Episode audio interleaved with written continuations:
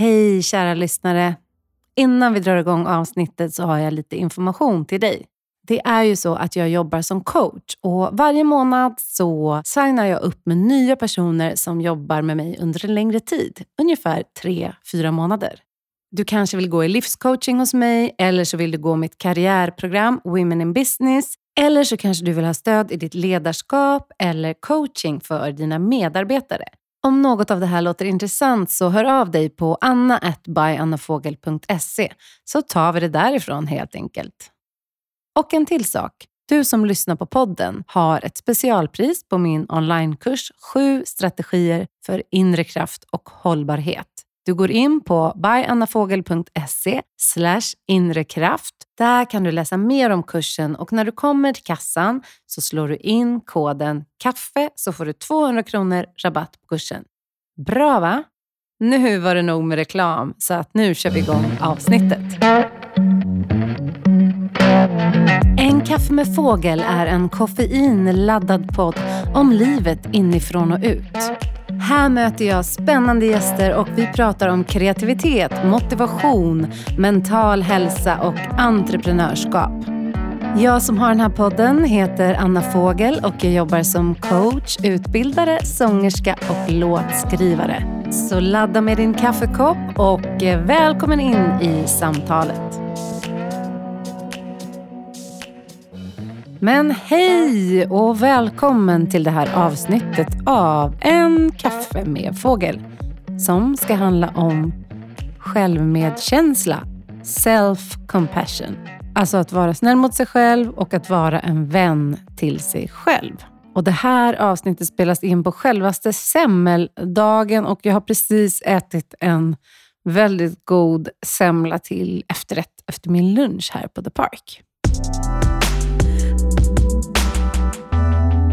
Om vi då går till temat för dagen som är självmedkänsla, alltså att vi behandlar oss själva på samma sätt som vi skulle behandla en god vän, så kan man ju fråga sig varför är det så himla viktigt då? Jag tar mycket inspiration från en psykolog i USA som heter Christine Neff. Hon både forskar och har skrivit böcker på det här temat om self-compassion, självmedkänsla. Och Det som ofta kommer fram, det är ju att människor som tränar upp den här äh, förmågan att vara snäll mot sig själv, för det är en förmåga. Att vara snäll och förlåtande mot sig själv, de mår ofta bättre än de som konstant dömer sig själva och är hårda mot sig själva. Da. Ja, men det hade man väl 17 kunnat räkna ut. Man vet ju själv hur det känns om man är alldeles för hård mot sig själv. Då mår man helt enkelt inte så himla bra. Ja, men, så det kanske inte är så himla svårt att förstå att vi mår bättre när vi är snällare mot oss själva. Men hur gör vi då?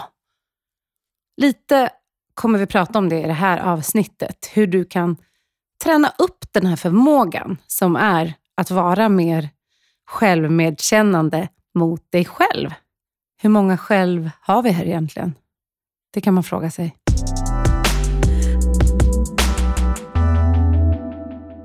Jag tänker att många av er som lyssnar på den här podden är människor som vill utvecklas.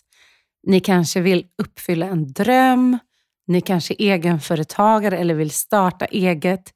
Ni kanske vill bli lite modigare. Och Det innebär ju faktiskt också att våga ta risker. Då utsätter vi oss för risken att det blir fel eller det som vi själva kanske skulle se som ett misslyckande. Och Det är ju här självmedkänslan verkligen kommer in i bilden. Att om du är en person som vill utvecklas, som vill vara modigare, som vill ta risker, då kommer självmedkänslan kunna hjälpa dig på vägen så att du kan falla, du kan resa dig upp igen. Du är helt enkelt schysst mot dig själv när du provar nya saker.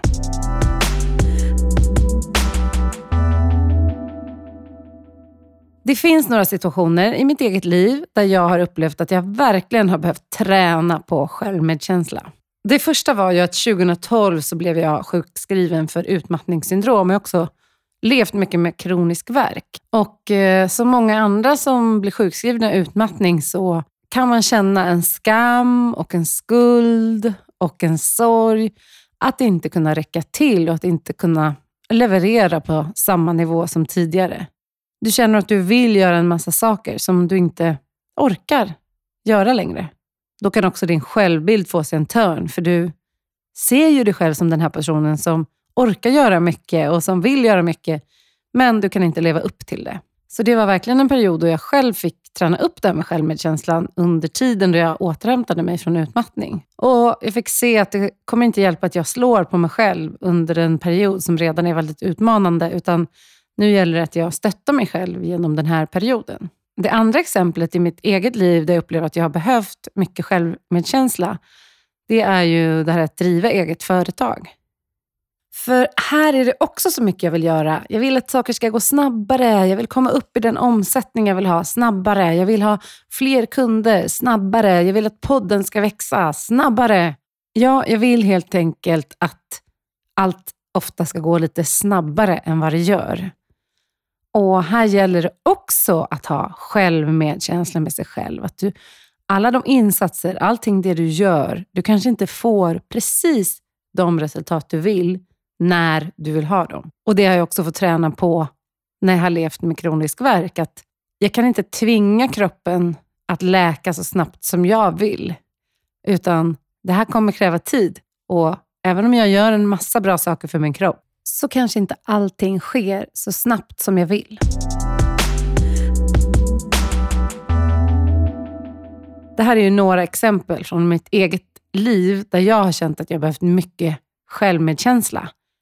För det här får ju konsekvenser. Om du har varit utmattad till exempel, så kanske du känner dig otillräcklig som partner, som förälder, som vän. Det kan komma mycket med en utmattning som handlar om otillräcklighet och hur du kan möta den.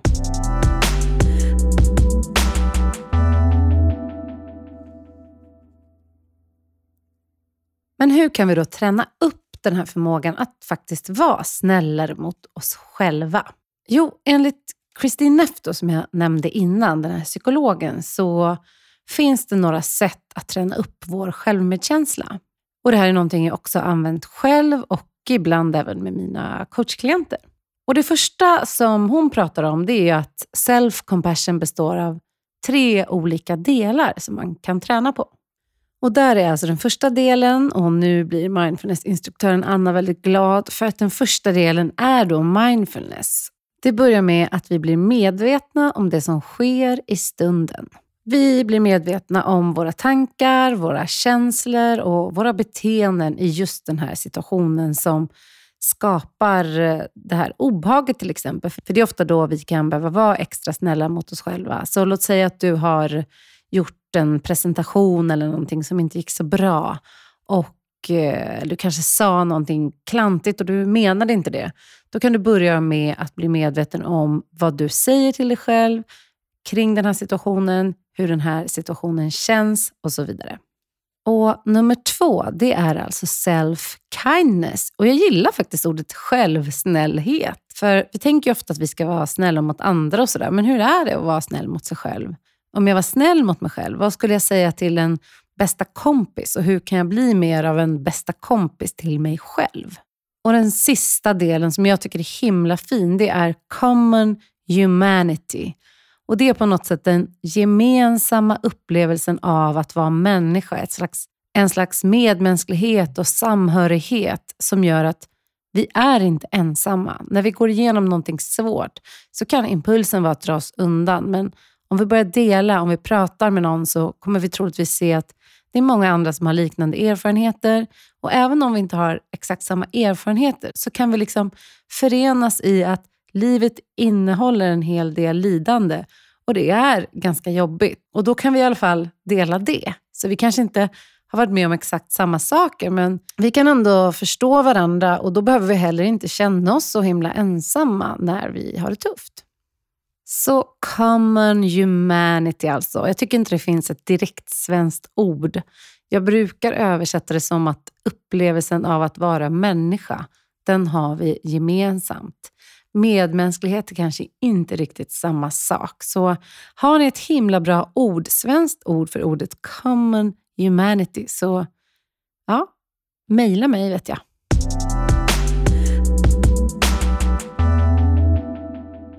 Så jag tänkte att vi ska nu avsluta det här avsnittet om självmedkänsla genom att faktiskt ni ska få göra en övning på tema självmedkänsla. Och Det är en övning då man kan skriva ett brev till sig själv. För så här är det, de flesta av oss har någonting som är lite jobbigt, kanske något vi skäms över eller områden där vi känner oss otillräckliga. Låt säga att vi har råkat såra någon genom att säga något klumpigt. Vi kanske inte kände att vi gjorde en uppgift så bra. Vi har alla någonting som liksom skaver och där vi tenderar att vara lite hårda mot oss själva. Så tänk nu på en sak eller situation där du tenderar att känna dig otillräcklig. Någonting i ditt liv där du känner att den här inre kritiken och hårda rösten går igång och är väldigt dömande. Så kan du notera hur det får dig att känna. Blir du arg eller skäms du eller blir du ledsen? Försök att vara så ärlig som möjligt. Och nu kan du föreställa dig en vän framför dig som vill ditt allra bästa. En vän som kan se saker inte du kan se om den här situationen. En vän som är generös och varm och icke-dömande. Nu ska du skriva ett brev till dig själv utifrån den här vännens perspektiv. Vad skulle hen, den här vännen, säga till dig om din situation? Hur skulle vännen uttrycka sig kring de känslor och tankar du själv har om dina tillkortakommanden? Hur skulle den här vännen skriva till dig kring att du dömer dig själv så hårt? Hur skulle den råda dig att göra i situationen utifrån en medkännande, vänskaplig och kärleksfull plats? Den här vännen, det är en person som genuint bryr sig om dig och vill att du ska må bra. Så skriver du helt enkelt ett brev till dig själv kring den här situationen du befinner dig i från den här vännens perspektiv. Och När du har skrivit brevet så kan du lägga ifrån dig det ett tag och gör någonting annat. Gå och ta en kopp kaffe. Eh, ring ett samtal. Eh, lägg ifrån det ett tag precis efter du har skrivit det.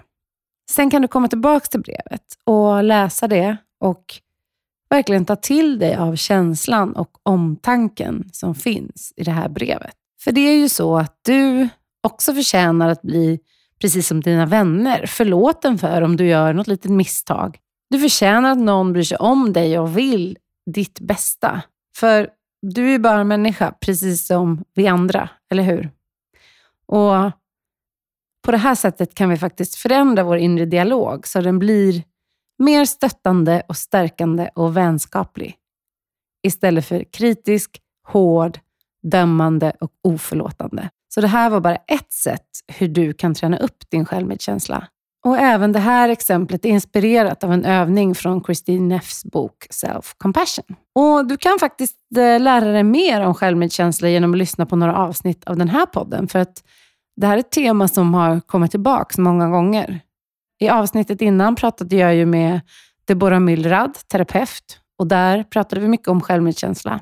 Även jag och Karin Hägglund pratade en del om självmedkänsla. Och sen finns det ett avsnitt som heter Din inre kritiker och din inre kompis, som också handlar om det här att bli en bättre kompis till sig själv. Ja, och det var faktiskt allt eh, för den här gången av podden. Nu ska jag iväg på ett bankmöte och sen ska jag hem till min gulliga familj. Och jag önskar dig en jättefin dag också. Och prenumerera på podden, ge podden en recension om du gillar den och följ gärna podden på Instagram på En kaffe med fågel. Så hoppas jag att vi hörs snart. Hej då, ta hand om er.